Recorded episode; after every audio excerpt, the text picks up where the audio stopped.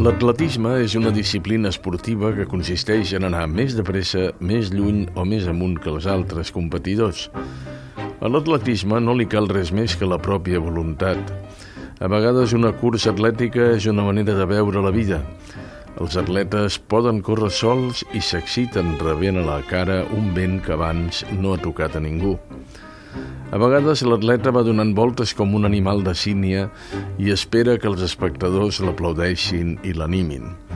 Els atletes van descobrir a Marató la utilitat de córrer per anar a portar les notícies a aquells que les esperaven i el semideu Aquiles se li va dir el dels peus lleugers com a homenatge a la seva velocitat.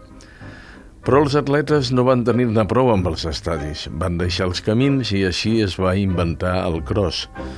Van deixar els camps i van anar a conquerir les ciutats. Els atletes ja no corrien per ells, sinó pel paisatge que les acollia. Precisament per això els nous atletes es disposen a pujar muntanyes altes i nevades amb el repte d'haver de pujar, per exemple, al Mont Blanc i de baixar-lo en 160 hores. En això, en Kilian Jornet ha fet molt de mal i els camins ja no són pistes, sinó aparadors de l'èxit.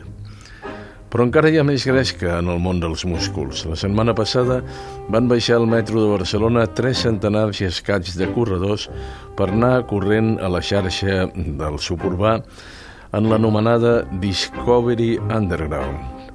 La vida de l'atleta es demostra amb aquestes experiències d'anar a les palpentes, L'important no és arribar al primer, sinó córrer com un acte místic.